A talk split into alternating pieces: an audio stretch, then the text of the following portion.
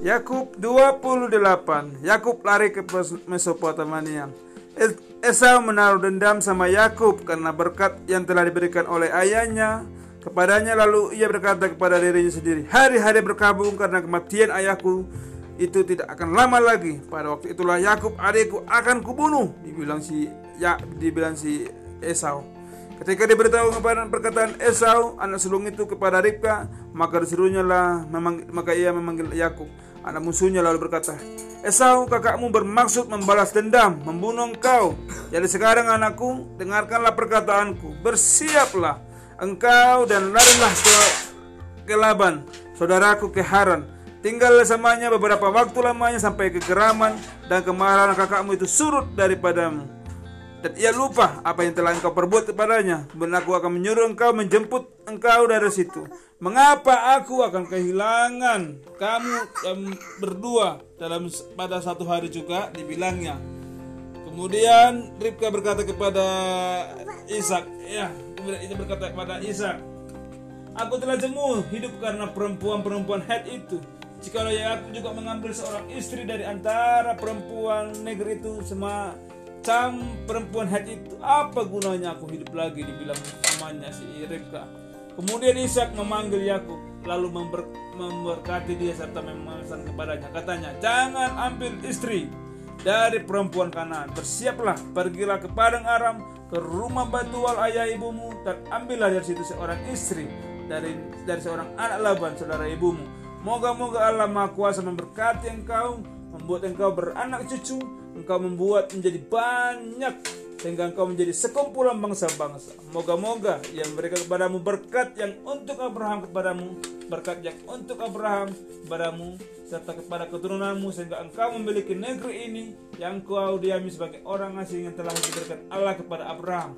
Demikianlah Ishak melepas Yakub lalu berangkatlah Yakub ke padang Aram kepada Laban anak Betuel orang Aram itu saudara Ribka Yakob, Yakub dan Esau. Ketika Esau melihat bahwa Ishak telah memberkati Yakub, melepaskannya kepada Aram untuk mengambil istri, waktu ia memberkati itu, ia telah memesan kepada Yakub, jangan ambil istri dari perempuan kanan. Dan bahwa Yakub mendengarkan perkataan ayah dan ibunya dan pergi ke padang Aram, maka Esau pun menyadari bahwa perempuan kanan itu tidak disukai oleh Ishak ayahnya. Sebab itu ia pergi kepada Ismail mengambil mahalat menjadi istrinya. Samping kedua istrinya, yang telah ada Mahalat adalah anak Ismail, anak Abraham, anak Nabayot. Mimpi Yakub di Betel, di Betel. Mimpi dia mimpi di, di tengah jalan. Maka Yakub berangkat dari Beersheba dan pergi ke Haran. Ia sampai di suatu tempat dan bermalam di situ. Karena matahari telah terbenam, ia mengambil sebuah batu terletak di tempat itu dan dipakainya sebagai alas kepalanya lalu membaringkan diri tempat itu. Maka bermimpilah dia. Dengarkan mimpi si Yakub di tengah jalan ya. Di bumi ada didirikan sebuah tangga yang ujungnya sampai ke langit. Ada tangga dia mimpi. Dan tampaklah malaikat-malaikat Allah turun naik dari tangga itu.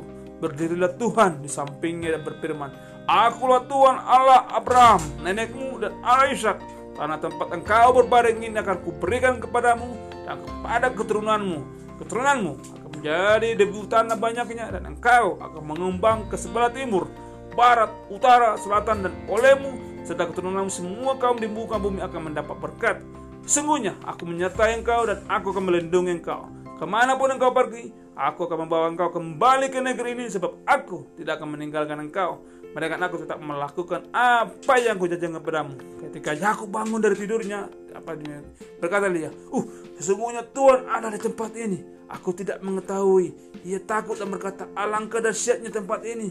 Ini tidak lain daripada rumah Allah. Ini pintu gerbang surga." Dibilang pintu gerbang surga. Kemudian keesokan harinya pagi-pagi Yakub mengambil batu yang dipakainya sebagai alas kepala mendirikan itu menjadi tugu dan menuang minyak ke atasnya. Ia mendapat itu Betel. Apa namanya? Betel. Dahulu nama kota itu Luz. Lalu bernajarlah Yakub, jika alam akan menyertai dan akan melindungi aku di jalan yang kutempuh ini memberikan kepada roti untuk dimakan dan pakaian untuk dipakai sehingga aku selamat kembali ke rumah ayahku maka Tuhan akan menjadi Allahku dan batu yang kudirikan sebagai tugu ini akan menjadi rumah Allah dari segala sesuatu yang engkau berikan kepadaku akan selalu kupersembahkan sepersepuluh kepadamu. Amin.